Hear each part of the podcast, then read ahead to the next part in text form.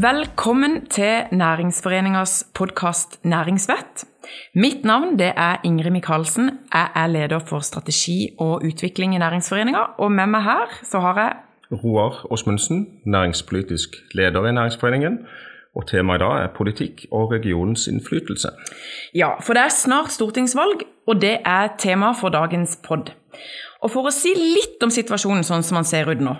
Agderbenken, altså Agders stortingsrepresentanter, har i dag ti eh, representanter på Stortinget, hvorav åtte er fra høyresida. Dette bildet kan endre seg totalt etter valget. Eller det kan se helt likt ut. For oss som representerer næringslivet, så er det viktig med tydelige politikere som markerer seg på Stortinget, og med folk fra regionen i regjering, og som kan fremme de viktige sakene for regionen. Derfor så har vi i dag invitert to erfarne politikere fra Vest-Agder valgkrets som stiller på topp for sine partier. Det er Kari Henriksen fra Arbeiderpartiet og Ingunn Foss fra Høyre. Velkommen til dere. Takk skal du ha. Takk for det. Det jeg lurer på, det er er regionen her, bedriftsledere, andre i næringslivet, flinke til å kontakte dere på Stortinget med saker? Er vi gode nok til å være på offensiven? Og Ingunn, kan du få lov til å svare først? Mm. Ja, når jeg kom inn på Stortinget for åtte år siden, så eh, kom vi fra et bilde i landsdelen der eh, vi var ganske anonyme. Det ble jo ofte kommunisert både i media og i Oslo at det var lite delegasjoner fra Sørlandet som eh, oppsøkte Stortinget og departementene. Det har vi vært veldig aktive på. Som Kari sier, så har vi jo hatt et samarbeid på benken der vi har vært felles om at vi må ha en sterkere lyd fra landsdelen vår. og Den vil jeg absolutt mene har blitt mye sterkere de siste åtte årene. Og vi har jevnlige møter på sørlandsbenken eller Agderbenken der vi får innspillene uh, jevnlig og, og, har som sagt faste møter, sånn at vi hele tida kan følge opp dialogen med, med landsdelen. Og uh, vi har vært veldig uh, opptatt av at når det er viktige saker for landsdelen, så må næringslivet gi beskjed og holde dere oppdatert. Og, um, og uh, om de vil at vi skal være døråpnere inn i departementet for å få møter, for å få lagt fram saken sin, eller at de vil uh, komme til høring i en komité. Alle disse tingene som, uh, som er nødt til å ha et, en tett dialog for å ivareta, de vil jeg si er på plass. Så det håper jeg virkelig skal, skal bli neste periodes Eller at det skal bli sånn i neste periode òg, at ikke det blir at ikke det blir at stemmen fra Sørlandet blir mer utydelig. Mm. Ja, jeg, jeg, tror uh, næringslivet opplever jeg som uh, stort sett aktive um, opp mot sørlandsbenken. Og som jeg sier, så syns jeg også Svein Harberg har vært veldig god til å organisere benken, sånn at vi har fått uh, klart å møte alle. Og det kan jeg love dere at det er litt av en jobb å få koordinert alle på benken sammen med tidspunkt for, for lokalt næringsliv. Men jeg tror en har eh, læringspunkter fremdeles. Eh, for jeg opplever noen ganger at eh, kontakten kommer altfor seint i forhold til budsjettprosesser, som Ingunn også er inne på. Altså nå er jo, Hvis noen her nede på Sørlandet tenker at de vil ha inn ting i 2022-budsjettet, så er det liksom for seint. Det begynner i januar-februar. Mm. Så jeg tror den forståelsen for Stortingets arbeidsmetodikk den kan bli bedre. og Det er jo vi på ting som da må hjelpe, hjelpe folk med det, og at vi er i dialog om det. Og så tror jeg også noe som, eh, som jeg opplever har vært eh, eh, kanskje litt At det har vært litt for lite av det at interessenter har meldt seg på høring når vi har høringer om viktige saker i Stortinget. At en da har um, enten funnet uh, For som regel er det landsdekkende organisasjoner som kommer på høring. Men at en da har funnet plass for sine budskap i de landsdekkende organisasjonene eller instituttene som kan komme på høringer for å fremme Sørlandets saker. For vi har uh, hatt Eh, saker til behandling i, i, i, høringer der vi vet at det har vært sørlandstrykk på noe, men det er ingen kommer, ingenting av det kommer fram i høringer.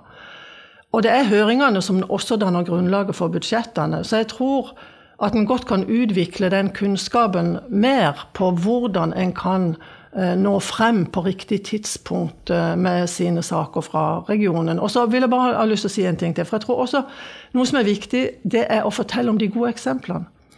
For eh, da kan vi få med oss f.eks. en merknad, at vi kan vise til at eh, La oss si f.eks. Næringsforeningen i Kristiansand har hatt et prosjekt om eh, inkludering med flere bedrifter i Kristiansand, og de har lykkes med å få det til. Så kan vi skrive det, og det i innstillingen f.eks. Komiteens medlemmer viser til at i Kristiansand har de jobba godt med det. Og det betyr egentlig ingenting for noen, for det er ingen som leser de, bortsett fra ansatte i departementet. De nileser alle innstillinger. Og når, hvis de da holder på med en annen sak som dreier seg om noe tilsvarende, og har lest det eksempelet i den boka, så tenker de å ja, var det ikke et prosjekt der som vi kanskje kan hente noe ut av? Mm. Og så har du på en måte den linken. Og der tror jeg vi har vært, um, vært litt for uh, slappe til å Vi er veldig fornøyd når ting går bra, men så glemmer vi liksom å formidle det videre. Da tar vi det budskapet til oss òg som forening, og, mm. og, skal jobbe enda mer med det, rett og slett. Hva er de to viktigste sakene for Sørlandet akkurat nå, sånn som du ser det? De, det mest utfordrende for Sørlandet det er den lave sysselsettingsgraden. Det er for mange som står utenfor arbeidslivet? Det er for mange som står utenfor arbeidslivet, og vi må ha flere folk i jobb. Og vi må ha jobber som er trygge og forutsigbare. Og det betyr at eh, vi må lage en politikk og få et virkemiddelapparat som stimulerer til at flere kommer i arbeid. Og da snakker vi om et godt trepartssamarbeid. Det er en viktig ting. Vi snakker om å bygge på den kompetansen, og det, jeg vil si den unike kompetansen som industrien og store deler av næringslivet har her på Agder. Sånn at vi kan bruke den kompetansen inn i den omstillinga vi må ha.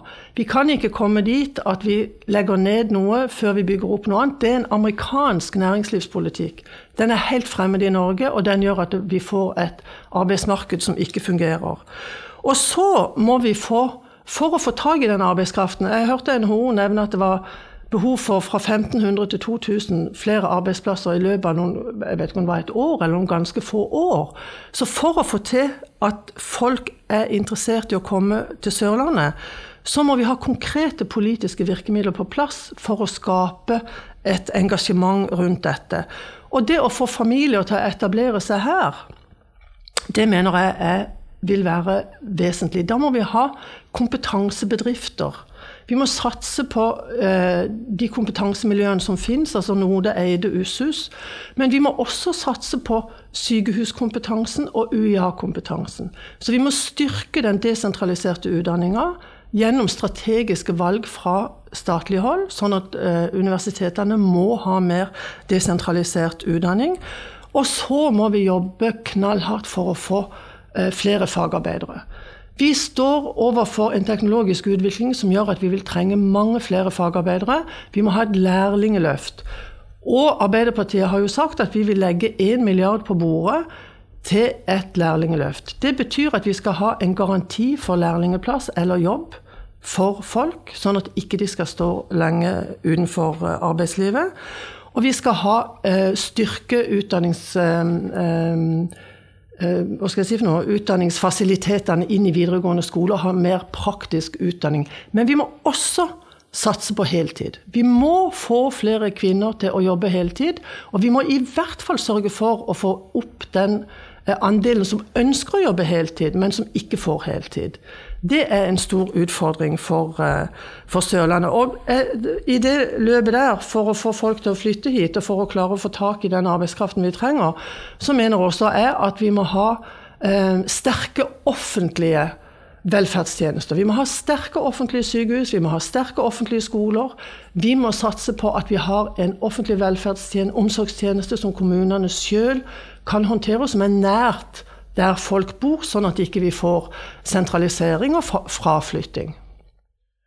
Ingunn, ordet ditt to saker som eh, men er viktig for regionen? Nå fikk vel Kari litt mer enn to saker, for jeg tenkte Men, men kjør, Ingunn. Hvilke? Eller tre. Vi er så greie å la folk prate helt ut her. ja, eh, ja, det viktigste jobben for, eh, for, Høyre, det er jo å eh, sikre at vi har arbeidsplasser, og spesielt da arbeidsplasser i privat sektor. Det er jo arbeid i nærings- arbeid i privat sektor som finansierer velferden. Og alle er vi opptatt av at vi skal ha en god velferd, som Kari er inne på. Det vil vi ha. Vi vil ha lærere, sykepleiere, politifolk og alt dette. Og da er vi helt nødt til å ha inntekter til statskassen. Og det er jo derfor Høyres politikk bygger på at vi må ha et konkurransedyktig næringsliv som tjener penger. Vi må ha et skattenivå som ikke gjør at uh, at eh, du spiser opp eh, settepotetene, holdt jeg på å si. Formuesskatten spesielt, den skulle vi veldig gjerne hatt vekk for eh, kapital som heller skal gå til å skape arbeidsplasser og styrke bedriftene. Og så er vi nødt til å jobbe mer med integrering og inkludering. Og der har jo denne regjeringa vært veldig opptatt av å inkludere flere og, og få flere inn i arbeid. Eh, vi har jo òg eh, tatt et yrkesfagløft for å styrke yrkesfagutdanningene, sånn at eh, det kan bli flere fagfolk som næringslivet trenger.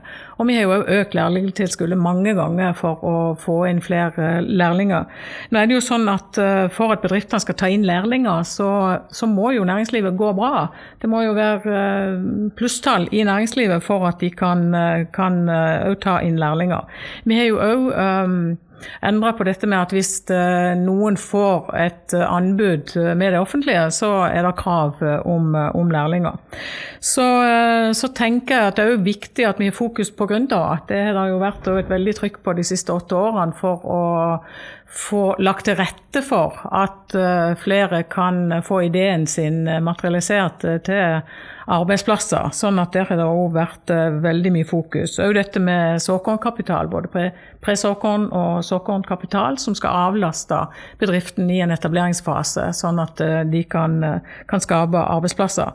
Så det er jo jobb nummer én. Hvordan skal vi få lagt til rette for at vi kan både skape nye og opprettholde de arbeidsplassene vi har i dag, og helst få vekst i, i privat næringsliv? Jeg tenker det lover godt når både Høyres politiker og Arbeiderpartiets politiker er omforent om at den største utfordringa vi har nå, det er sysselsettingsgraden og få flere inn i arbeid. Men en sak som ingen av dere nevnte nå blant de viktigste, men som jo har blitt den store snakkisen, det store temaet i denne valgkampen, det er klima og miljø.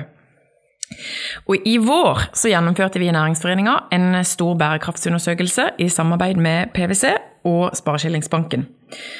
Og Den undersøkelsen avdekker at eh, bedriftene på Sørlandet har en lang vei å gå eh, mot det grønne skiftet. Eh, mange forteller at de ikke har vurdert egen klimarisiko, altså hvilket fotavtrykk de setter i samfunnet.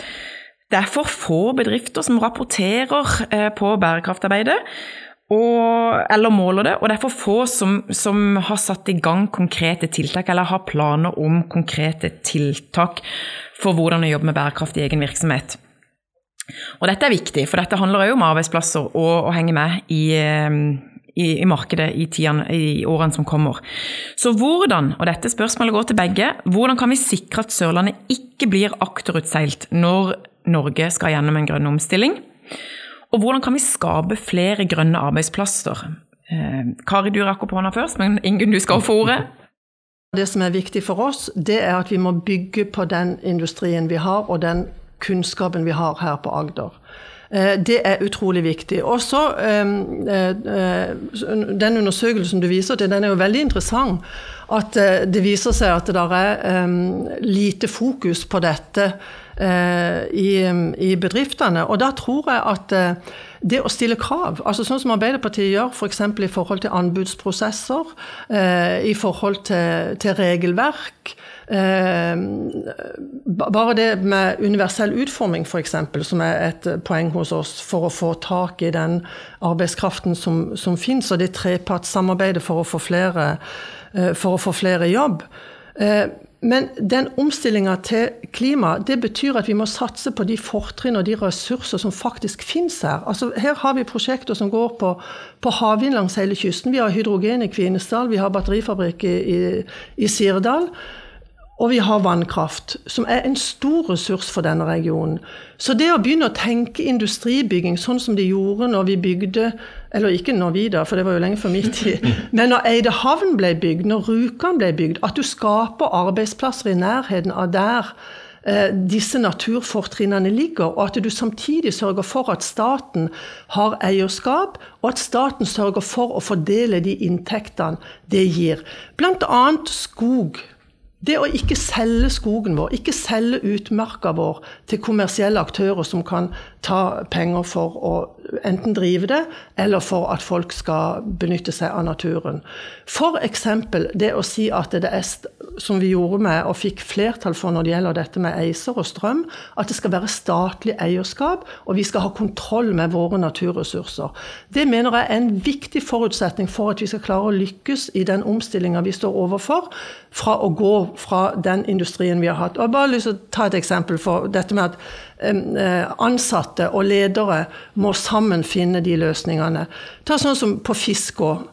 Eh, familien, eller Mannens familie kommer jo fra Fiskå. De var jo happy hver gang det kom sort røyk opp av pipa, for da tjente folk penger. Det var den kunnskapen de hadde da. Så fant de ut at den sorte røyken den var farlig for folk. Hva skjedde da? La de ned fabrikken? Nei. Ansatte og ledere gikk sammen og fant ut hvordan kan vi rense den svarte røyken. Og så fant de til og med måter å gjøre det på som gjorde at de tjente enda mer penger. Det samme skjedde på nikkelverket.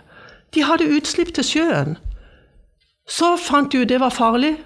Staten stilte krav på at ikke de kunne ha utslipp. Så gikk de sammen og så fant de ut at oi sann, her kan vi utvinne noen av de mineralene, og så kan vi tjene enda flere penger på det.